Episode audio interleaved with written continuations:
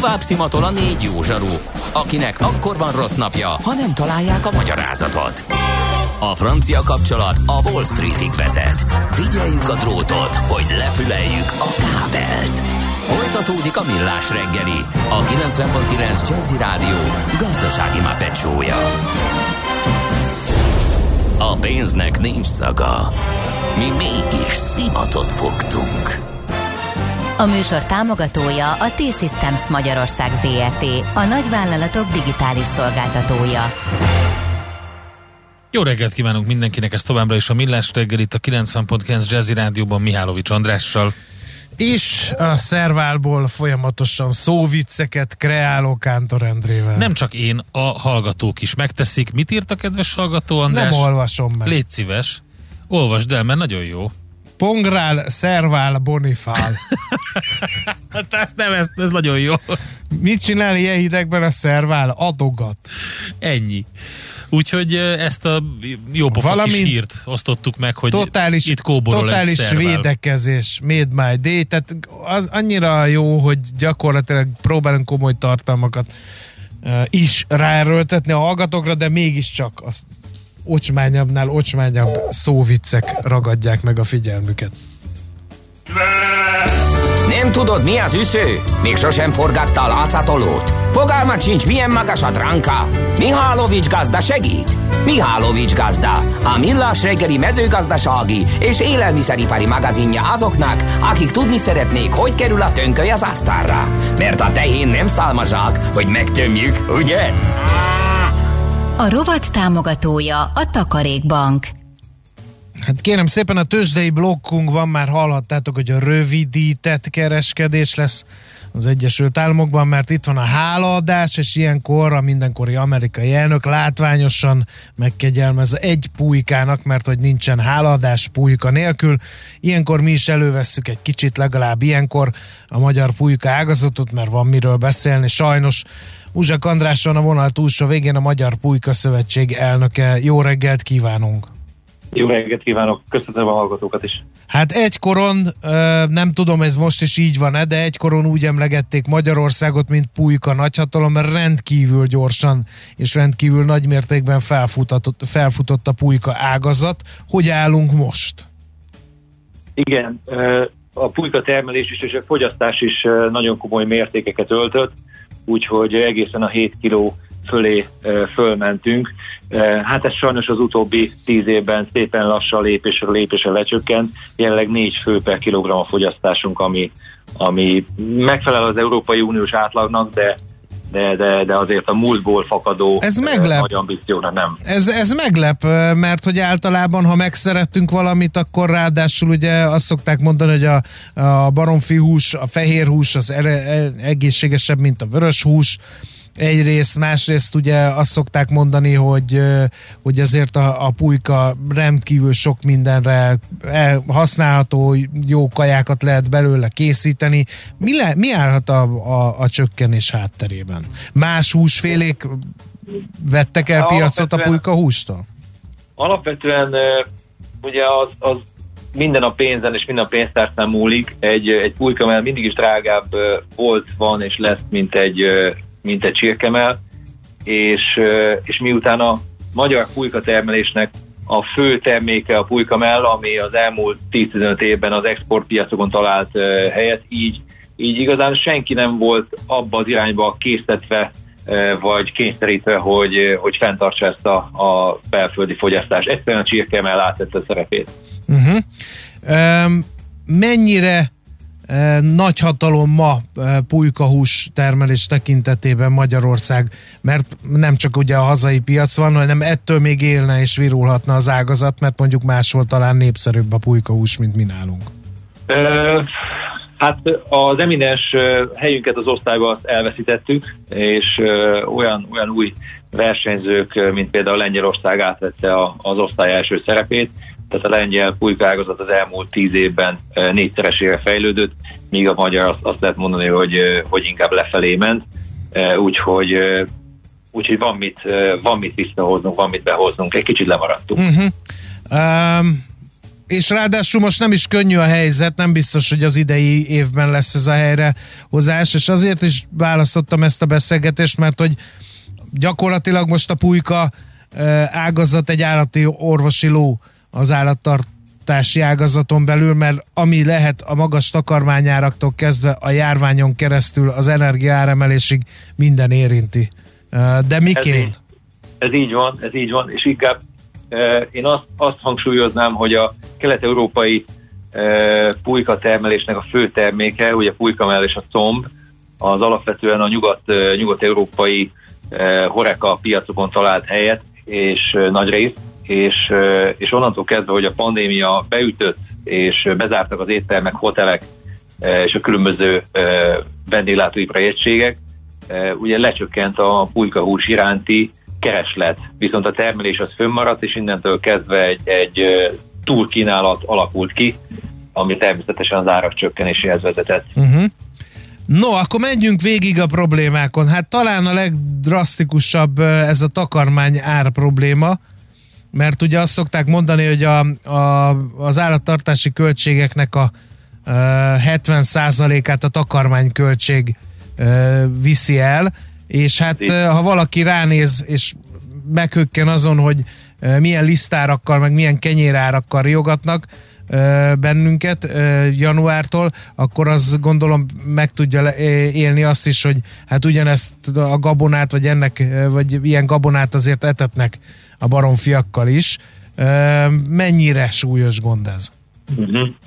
Ugye a, a gabona az csak az egyik összetető, összetevője a takarmánynak. Ugye a gabonáknál itt látunk egy 30-40 százalékos áremelkedést. Összességében a, a késztakarmányok ára egy, egy 15-20, néha 25 százalékos emelkedés volt amit nem is az a baj, hogy, hogy ezzel versenyhátrányba kerülünk, hiszen Lengyelországban pont ennyibe kerül, illetve mindenhol pont ennyibe kerül a gabona meg a takarmány, inkább az, hogy a, a fogyasztói árakban nem látjuk ezt viszont. Tehát ugye mi egy nagyon komoly présbe vagyunk, amikor egyik oldalon nekünk meg kell vásárolni az input alapanyagot, hiszen a pulyka is a miénk, másik oldalon pedig küzdünk a elnézést. Másik oldalon pedig küzdünk a, az élelmiszer láncolatok beszerzőivel, hogy hogy fogadjanak el egy, egy áremelést. Uh-huh. És akkor erre, erre jön még az energiáremelés, azt talán a kedves hallgatók nem tudják, hogy ugye a pulykát azt teljesen zárt istálóban nevelik, tehát nyáron hűteni kell, télen fűteni kell, világítani kell, világítási programok vannak ugye, hogy szabályozzák a kibocsátást. Erre energiaválságról beszélnek Európában. Gondolom ez sem teszi könnyebbé a pulykatartóknak az életét. Abszolút nem, abszolút nem. Az energia, igen, a pulyka tartása is energiaigényes, viszont annál sokkal-sokkal energiaigényes a feldolgozás.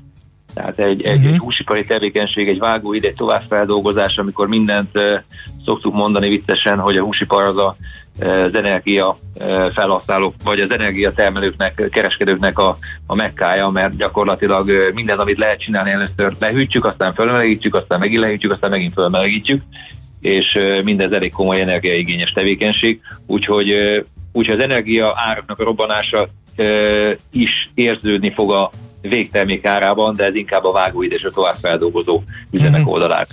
És ha mindez nem lenne elég, Nesze Sánta itt egy púpis alapon bejött a, a így, baromfi influenza is. Így, így, így, így, így, sajnos előző héten uh, hozzánk is uh, beütött, az ominózus Bácskiskun megye mindig fönn van a listán, mindig ott van, ugye nagyon sok víziszárnyas van, és, és ugye ahol, ahol nincsen nem megfelelő az ártartás, ahol nagyon nagy sűrűségben vannak víziszárnyasok, ugye, amik vizet igényelnek, és ugye a vadmadarak, akik repkednek fölöttünk, csak leszállnak egyet pihenni, és akár egy, egy, egy ürülékkel, vagy bármivel, egy, egy madártetemmel gyakorlatilag egész megyét meg tud fertőzni, úgyhogy ez nagyon-nagyon veszélyes és nagyon súlyos betegség. Ez miért érinti az olyan mint a pulykatartókat, hiszen, mint említettem, ők ilyen teljesen zárt istálóban tartják hát, a jó zárt, is, zárt istáló, de a, a bejövő levegőt, ami az istálóba bekerül, azt ugye ilyen szempontból, vírus szempontjából nem tudjuk szűrni. Aha. Ez sajnos pont az egyik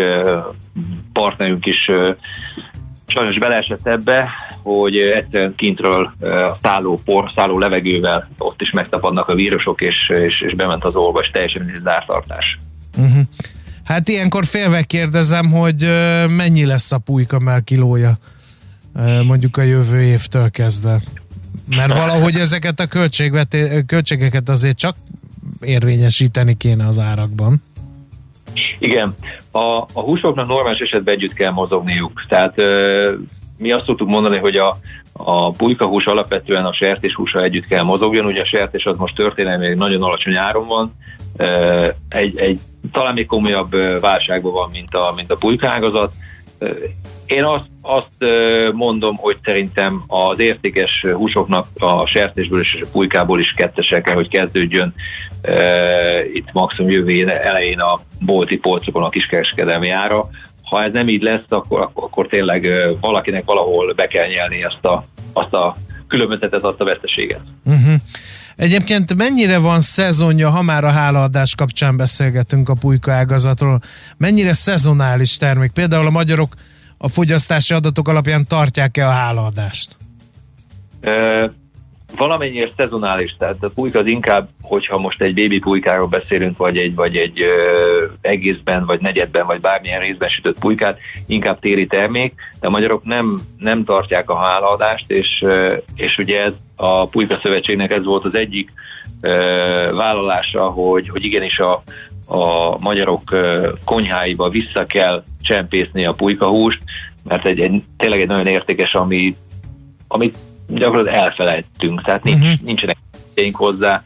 E, jó, tényleg találkoztunk már azzal, hogy háziasszonynak odaadva egy, egy két kilós pulyka felső filét, nem tud vele mit kezdeni, tehát nem tudja, mit lehet, már pedig ez, ez pontosan ugyanolyan e, felhasználási e, javaslatai vannak, mint egy sertés. Érdekes, nekem az volt, hogyha így becsatlakozhatom, mert így a gazdarovatba csak e, így megfigyelő vagyok, viszont a gasztrorovatba ott nagyon otthon vagyok, hogy az volt a benyomásom, hogy például a, a nyak az azonnal eltűnik a polcokról, az egyik legjobb leves betét. Legalábbis... Igen, ezt... Erre mondják az a kereskedőink, hogy a minden pulykán két nyaka lenne, akkor tudnánk adni. Hát igen. Na, hát, lehet, hogy Érdekes, mert ugye a gasztronómiában, meg, a, meg az éttermekben gondolom a mell, a pulyka mell az azért, azért egy a, sokszor használt alapanyag. A, ugye a pulyka comb, amit itt említett, itt a hiába a, a filézés a magyar emberrel az a probléma, hogy nem hajlandó a halat szálkázni, vagy úgy enni, és ugye tele van ilyen inakkal a pulyka lába, és hát ez a, lehet, hogy zavarja igen. őket. Ilyen Pedig csontos, csontos. Milyen hát fincsi. Finom, persze, de hát ugye ez, ez olyas, akkor... ami, ami, ami, ami kicsit idegen neki. Hát a csirkehúsban nincs ilyen, és akkor ezzel le van söpörve az asztalról. Talán ez lehet a megoldás. Igen. Erre is van megoldás, ugye a, a felső comb, aminek egy elég nagy mennyiségű filét ad, és abban ugyanúgy csak egy comb, uh-huh. egy csont van, a csirke felső comb, abban nincs nekinak, ugye az csak az alsó comb, a alsó comb. De hát az is megoldható egyébként, csak foglalkozni kell vele egy picit, úgyhogy lehet, hogy ez ami, ami hiányzik. És hát ott vannak még ezek a, ezek a nagyon klassz kis hogy is hívják ezeket a jó kis pulyka med- medalionok. Hát én azt nagyon sokszor vásárolok olyat. Uh-huh. Igen, igen, ezek a mi azt még egy panírozott termék. Még egy két, két mondatra visszatérve, hogy a, a pulyka alsó comb az, az nagyon jó alapja, és egy nagyon komolyan növekvő kereslet van a, a darált húsra, a pulyka darált uh-huh. húsra. Ugye annak egy nagyon jó alapja, amikor a fogyasztó nem találkozik azokkal az inakkal, hiszen azokat ki, ki tudjuk uh, szedni belőle.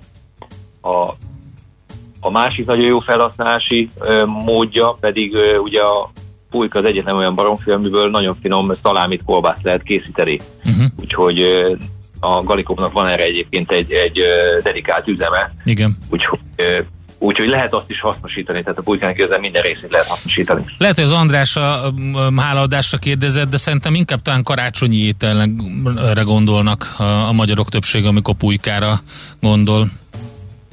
Lehet látni Ö, a felfutást a, a kereskedelemben ilyenkor, ebben az időszakban? Ö, igen, igen, igen, igen, lehet, lehet. Ilyenkor ö, már van egy ö, fajta igény egy ö, úgymond egy bébi pulykára, ami, uh-huh. amit ö, ugye vagy töltve, vagy bárhogy ö, elkészítve készítenek. Igen, igen, igen, tehát mint egy alternatíva hal mellett ez igen elkezdett megint megjelenni a, a konyhákban. Hát reméljük, Mi lehet a megoldás? Mert itt ér... oda a 7 kilóhoz. Itt érzünk uh, egy némi ellentmondást, ugye az, hogy uh, minden oldalon növekvő költségek, és uh, van egy uh, plafon, amit meg ugye a, az áruházláncok mondják, hogy hát nem biztos, hogy elfogadják ezeket. Ez egyébként a magyar élelmiszeriparban minden ágazatban így van. Mi lehet a megoldás akkor erre a rendkívüli helyzetre? ugye, ha összehasonlítjuk a, a húsárakat, ez, ez Magyarországon ugye ez egy bevett dolog évtizedek óta, hogy az alapvető élelmiszerekkel csábítják be a vevőket, és, és sokszor a láncolatok sem raknak rá, vagy minimálisat, mert azt gondolják, hogy az olcsó tej, vagy, vagy hústermékekkel, vagy akár pékárokkal lehet becsalogatni a vásárlókat. Mi a megoldás? Egyik oldalon azt látjuk, hogy, hogy hogyha akciós egy hús, akkor, akkor azt nagyon nagy mennyiségbe vásárolják, másik oldalon pedig azokat a dolgokat legyen az egy alkoholos termékek, vagy legyen az egy olyan ö, gyümölcs, amire viszont nem sajnálja kiadni a pénzt. Tehát, hogy a, a egyik oldalon az alapvető élelmiszerekre rászoktattak minket véleményem szerint, hogy, hogy a spóroljunk és legyen olcsó, de abban nem is gondol bele a vásárló, hogy, hogy, hogy annak, a, annak a pulykának az a mell igazán az a főterméke, az egy egész ágazat ezzel foglalkozik, vagy egy csirkének egy csirkemell az a főterméke, uh-huh. Tehát, hogy, hogy mindenek ára van, csak ahhoz vagyunk hozzászoktatva. Tehát igenis át kell formálni a szemléletünket, hogy, hogy olcsó hús, ilyen nincsen, mert uh-huh. annak híg a leve, mondja, tartja. Oké, okay, hát András, köszönjük szépen, érdekes információk voltak, akkor jó ünnepi időszakot mondjuk így, és reméljük, hogy, reméljük, hogy valamivel sikerül felkelteni az érdeklődést. Például erre a jó kis lapocka hús darabkára ez a medalion, ez az egyik, egyik nagy kedvencem, ebből tök jó, tök jó fogásokat lehet készíteni. András, köszönjük, szép napot! Hajrá, pulyka, viszalás! Muzsek Andrással beszélgettünk a Magyar Pulyka Szövetség elnökével, a pulyka ágazat, hát mélyrepülésben van, lehet azt mondani, úgyhogy hogy mik a gondok, és hogy, hogy milyen megoldásokat lát ő. Mihálovics gazda most felpattant egy kultivátorra, utána néz a kocaforgónak, de a jövő héten megint segít tapintással meghatározni, hány mikron a gyapjú. Hoci a pipát meg a bőrcsizmát. Most már aztán gazdálkodjunk a rézangyala. A rovat támogatója a Takarékbank. Következő műsorunkban termék megjelenítést hallhatnak. Kősdei és pénzügyi hírek a 90.9 jazz az Equilor befektetési ZRT szakértőjétől. Equilor, 30 éve a befektetések szakértője. Török Lajos vezető elemző a vonalban, szervusz, jó reggelt! Jó reggelt, köszöntöm a hallgatókat! Mi a szitu a budapesti értéktősdén? Ilyen elképesztő izgalomról nem tudok beszámolni, elég vegyes képet látunk, egyébként egy pici pluszban vagyunk 0,1%-ot emelkedtünk 51.540 pontra. E, azt látjuk egyébként, hogy 851 millió forintos volt a forgalom, ami egy vegyesnek mondható, vagy közepesnek mondható. A legnagyobb forgalom egyébként a Richterben van, és itt több mint 1%-ot emelkedtünk 8500 forintra, tehát itt azért történik valami. Az OTP és a MOL pici 0,2%-os mínuszban 17.785 2432 forinton van mind a két papír, itt a forgalom egyébként önmagukhoz képest relatíve alacsony többi papírban pedig szinte semmi nem történik, hogy őszinte legyek, olyan igazi nagy forgalmat nem nagyon tudtak produkálni a kis papírok. Hát akkor talán a devizapiacon. Hát a devizapiacon sincs olyan nagyon nagy érdeklesség, ami viszont furcsa, hogy a forint ismét gyengülő pályára indult, 368 forintot és 42 fillért adni egy euróért, egy dollárért pedig 326 forintot és 88 fillért. Már itt az euró dollárban történt egy nagyobb elmozdulás, így meg ahhoz képest most már az 1.13-as szintet is áttörtük, egy dollárt és 12,71 centet kell adni egy euróért, tehát azt látjuk, hogy itt a dollár erő a forint gyengülést is magával hozza, és hát tényleg a dollárral szemben most már ilyen rekord közeli szinteken vagyunk. Oké, okay, hát akkor e, meglátjuk a további napokban milyen lesz a bét teljesítmény. Amerikában igen, ilyen rövid hét van, úgyhogy igen, érdekesség, hogy Amerikában ugye rövid hét van, viszont kiderült, hogy ki lesz a következő fedelnöke. Szerintem uh-huh. ez a héten mindenképpen egy érdekességet hozhat, ugye még továbbra is Jerome Powell a legesélyesebb, de Lale uh, Brainerd neve is fölmerült, úgyhogy meglátjuk, említek Biden a héten eldöntheti akár, hogy, hogy ki fogja továbbra vezetni. Ez mindenképpen az euróddal, illetve a dollár forint szempontjából fontos lehet. Oké, okay, Lajos, köszönjük szépen, jó kereskedés nektek! Köszönöm, sziasztok! Török Lajos vezetőelemzővel beszéltük meg a Budapesti értéktős, de nyitása után kialakult helyzetet. Tőzsdei és pénzügyi híreket hallottak a 90.9 jazz az Equilor befektetési ZRT szakértőjétől. Equilor, 30 éve a befektetések szakértője. Volt már olyan érzésed, hogy megtaláltad a választ? Aha, aha, aha. Heuréka élmény. Jövő kutatás a millás reggeliben. Csak jövő időben beszélünk. Na, nagyon érdekes témát ö, fogunk boncolgatni a Heuréka élmény rovatunkban, mégpedig, hogy hogyan működik az emlékezet, ö, és egyáltalán, hogy mi történik az egész ö, memóriával, miért csal meg minket néha. Ugye az agykutatás egyik kiemelten fontos területe a memória, az emlékezet kutatása. Sok minden miatt egyébként ö, nem csak ö, egyes betegségeknél nagyon fontos, de például a kriminalisztikában is. Úgyhogy dr. Nyíri Gábor van itt velünk a vonalban, a Kísérleti Orvos Tudományi Kutatóintézet vezető kutatója. Jó reggelt kívánunk, szervusz!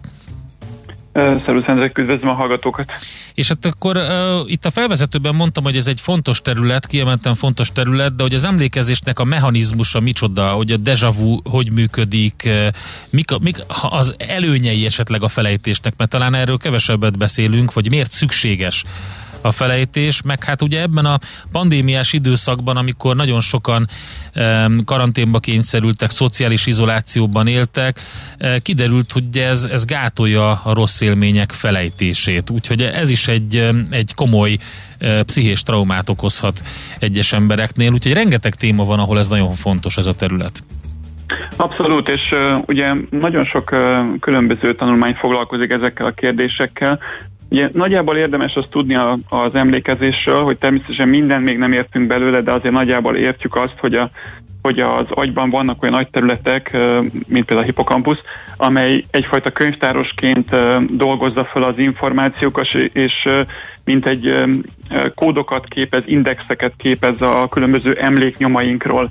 Ez azért nem mindegy, mert, mert így ezek alapján, az indexek alapján, vagy kódok alapján tudja előhívni őket. Most említetted az előbb a deja vu érzését, Ugye ott is például az a legvalószínűbb magyarázat a deja vu érzésünkre, ugye amikor, amikor azt hiszük, hogy az éppen megtörtént dolgokat már átéltük egyszer, miközben tudjuk, hogy ez lehetetlen, hogy ezek a kódoknak nagyon hasonló más kódú emlékünk már volt előtte, uh-huh. és ezért, ezért abban a pillanatban, amikor megéljük azt az élményt, kicsit megcsal minket az emlékezetünk, mert abban a pillanatban ugyanazt a kódot hívjuk elő, és azt hiszük, hogy azt mi már megéltük, holott valójában csak egy nagyon hasonló emlékünk van, és erről gondoljuk azt.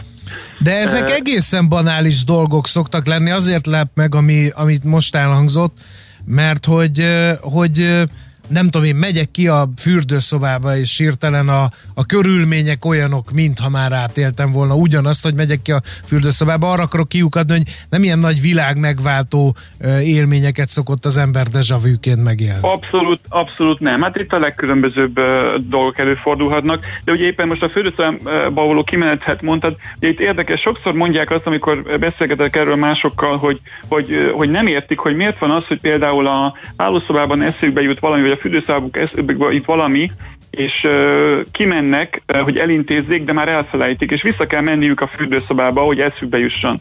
Na most ez például a, ennek a legvalószínűbb magyarázata jelenleg az, hogy, a, hogy az agyunk gyakorlatilag egy agyfajta ilyen kognitív térképet, egy ilyen emlék térképet csinál, ez hasonló ahhoz a kódhoz, amit az előbb említettem, ezeket a kódokat egyfajta térképre helyezi el, és a, azt is jól ismert, hogy vannak olyan sejtek, tehát a, az agyunkban a sejtek egy része, az gyakorlatilag akkor aktiválódik, amikor bizonyos helyen vagyunk az életterünkben. Tehát például a szüleink hálószobájában, vagy a, vagy a konyhájában, ha bemegyünk, akkor ott egy bizonyos sejtcsoport fog aktiválódni, míg, míg hogyha elmegyünk a piacra, ott pedig egy másik sejtcsoport fog aktiválódni. És, hogyha, és ezekhez a sejtcsoportokhoz, ezekhez, ezek a sejtcsoportok képeznek egyfajta ilyen emlékképet, egy indexet arról, a, arról az emléknyomról, és hogyha például a fürdőszobában eszünkbe jut valami, amit el kell intéznünk, ahhoz az emlék nyomhoz, ahhoz a térkép ponthoz fog asszociálódni ez a, ez a gondolat, hogy nekünk azt el kell intézni, és ha kimegyünk onnan, akkor azok a sejtek már nem lesznek aktívak, és ezért kimegy a fejünkből, visszamegyünk oda, és akkor ugyanazok a sejtek aktiválódnak, amik a fürdőszobában éppen aktívak voltak, amikor a gondolat eszünkbe jutott, és akkor ezek segítenek előhívni az emléket. Ugye ez máshol is előfordul velünk, hát természetesen, hogyha visszamegyünk régi iskolánkba, akkor nagyon sok emlék előtör azokból az időkből, ami egyébként soha nem jut eszünkbe. Ez is azért van, mert abban a pillanatban azok a sejtpopulációk aktiválódnak az agyunkban, ami akkor és ott fontos volt, ami azt a helyet kódolja, és ennek a révén egy csomó más emlék beugrik. Ez miért fontos, hogy ezeket a dolgokat egy tudós ember kutassa? Tehát mire Ó, lehet hát ezt enged... használni? Nagyon-nagyon sok minden szempontból fontos. Ugye például ugye értelemszerűen az Alzheimer korban ez egy nagyon-nagyon komoly probléma, ugye a felejtés, hogy ez miért történik. Másrésztől viszont van, van természetes felejtés is, és ez viszont nagyon fontos. Ugye ott van az, hogy gyakorlatilag a társadalom számára az egyik legnagyobb gazdaság és társadalmi terhet az idegrendszerrel kapcsolatos betegségek közül is a depresszió, szorongás, a negatív élmények megélésével kapcsolatos betegségek okozzák. A depressziós ember a termelő képessége romlik, akár egy életen keresztül, viszont a társadalom ugye támogatja őt élete végéig. Ezek nagyon fontosak gazdasági és emberi, emberi szempontból is, és ugye mi, mi itt a probléma az, hogy nem képesek ezek az emberek feldolgozni, úgymond, vagyis másképp más elfelejteni ezeket a negatív élményeiket, amik őket zavarják, részben, például a szorongás, fóbiák vagy posztraumás stressz esetében. És itt egyébként rögtön fölmerül az, hogy, hogy a pandémia éppen milyen hatással lehet ránk. Ugye az, az például bizonyított, hogy a posztraumás stressz esetében, a, a, például a háborúból visszatért katonák esetében nézték, hogy mi lehet a, a különbség a között, hogy ki az, aki e, posztromás stressz szindrómában fog szenvedni, és ki az, aki pedig nem. És az egyik legerősebb faktor a különbségben az volt, hogy milyen szociális izoláció van voltak utána. Tehát azok a katonák, akik viszonylagos szociálisan elszigeteltebben élnek, éltek, akár a személyiségükből fakadóan, akár ö, egyszerűen olyan vidéki helyen éltek, ahol kevesebb ismerősük, barátokat tudtak tartozni, azonban sokkal jobb valószínűség előfordult a posztromás stressz kifejlődése. Ugye ez, ez hát gondolom fontos, azért, mert hogy így nagyon hétköznapi magukra maradtak a gondolataikkal. Így van, így Aha. van. Na de, na de ez, ez miért olyan fontos? Azért fontos, mert gyakorlatilag az embernek a felejtés az rendkívül fontos tulajdonsága. Ugyan sokan, sokan aggódnak amiatt, főleg idősebb korukra, amikor már rengeteg emlékük volna, amire lehetne emlékezni, hogy elfelejtik őket, de mindenkit megnyugtatnék, hogy ez kifejezetten hasznos. Vannak olyan emberek, akik sajnos képtelenek a felejtésre, tehát az emberi agy képes lenne rá, hogy akár és vannak is ilyen emberek, úgy, így hívják őket, hogy hiperméziások, akik akár akár ö, évtizedekre visszamenőleg tudnak emlékezni, hogy mi történt velük szombaton délután kettőkor, és kivel beszélgettek, és miről, de ez őket általában nagyon zavarja, depressziósá szorongóvá teszi, és nem képesek újabb és újabb gondolatok ö, ö, termelésére, ö, fontos dolgok emlék, meg visszahívására. És az jól ismert, hogy például van emiatt egy mechanizmus az agyban, ami kifejezetten arra szolgál, hogy elfelejtsük az emlékeket, és inkább ezeket, a, ezeket az emléket, feldolgozzuk őket, és hasznossá tegyük az ebből levonható tapasztalatokat, és ne a konkrét emlékekre emlékezzünk. Tehát, mint mondtam, az evolúció lehetővé teszi hogy emlékezzünk akár bármire, de ugyanakkor kifejezetten tudja az evolúció kifejlesztette, hogy ne emlékezzünk rá, hanem próbáljunk meg általános törvényszerűségeket, tanulságokat levonni ezekből az emlékeinkből, és ne a konkrét picike emlékekre emlékezzünk. Most ezzel kapcsolatban sok uh, anekdotát mondhatnék az autizmussal kapcsolatban, ahol például ismert, hogy sok olyan gén, ami a, uh, az emlékezés jobbátételét uh, és felejtés, uh, felejtés lehetővé tételét uh, lehetővé teszi, az az autizmusban rossz, és ők például nem képesek annyira generalizálni, tehát így csomó olyan apróságot nagyon-nagyon jól meg tudnak jegyezni, amire nincs is szükségük, és ez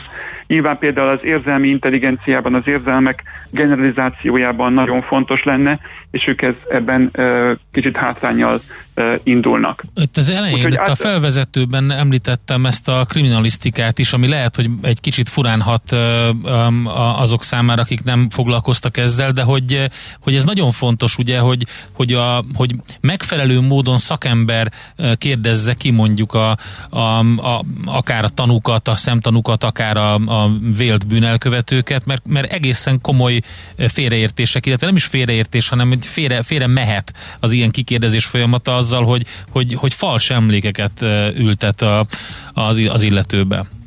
Így van, ez nagyon fontos, ugyanis azt kell szem előtt tartanunk, hogy az emlékezés során ugyanazok az agy, agyi folyamatok, ugyanazok a sejtek vesznek részt az emlékek rögzítésében, mint az előhívásában. Így abban a pillanatban, amikor az emléket megpróbáljuk előhívni, ez az idegi hálózat, ez némileg instabilá, alakíthatóvá válik, és abban a pillanatban, ahogy az emléket próbáljuk előhívni, ez az instabilitás lehetővé teszi nagyon könnyen annak megváltoztatását.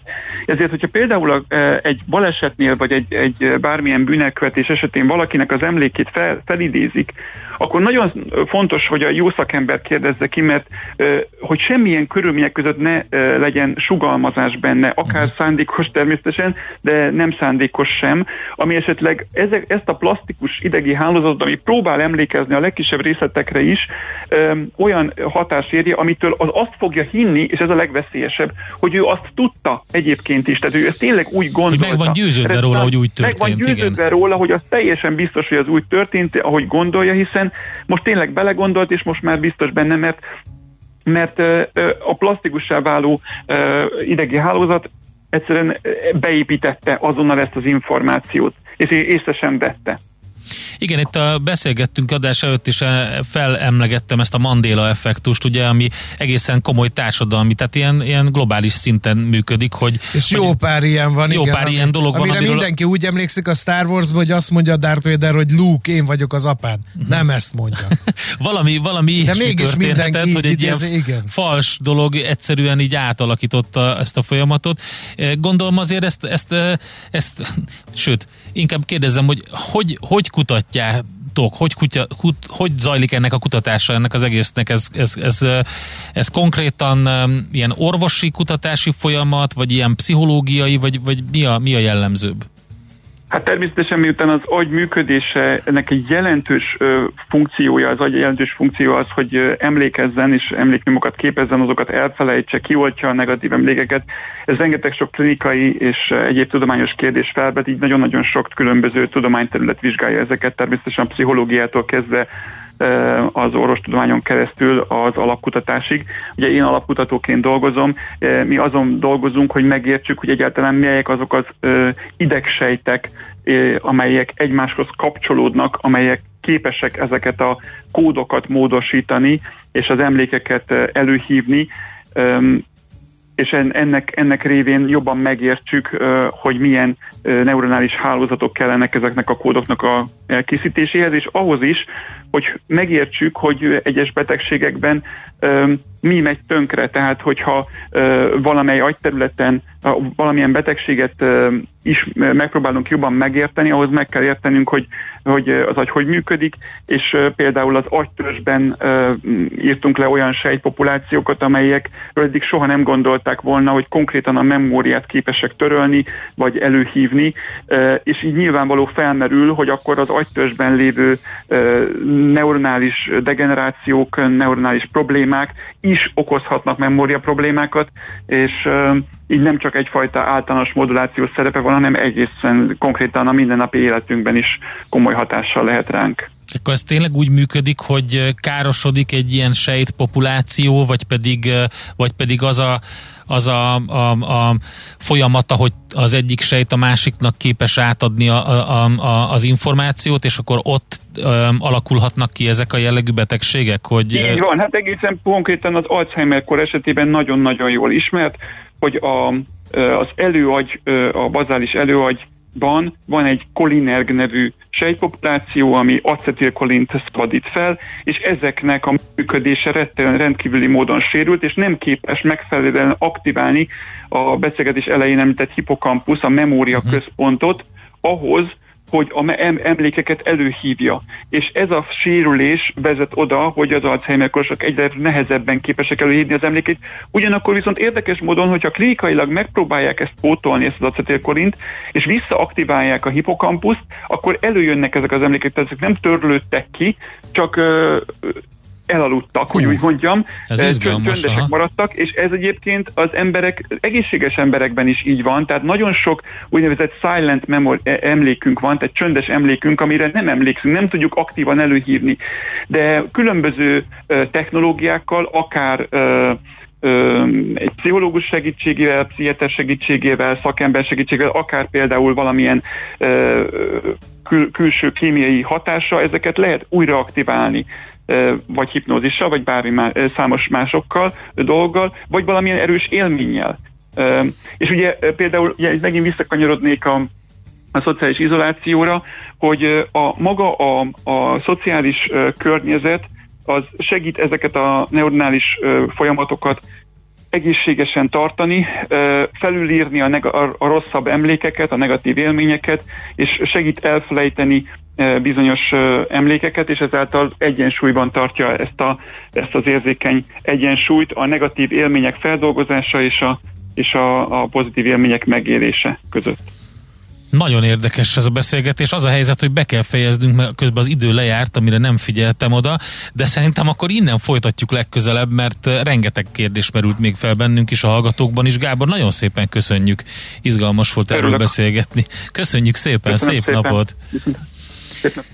Dr. Nyíri Gáborral beszélgettünk, a Kísérleti Orvostudományi Kutatóintézet vezető kutatójával arról, hogy hogyan működik az emlékezet, a memória, és hogy egyáltalán milyen kutatások vannak ezen a területen.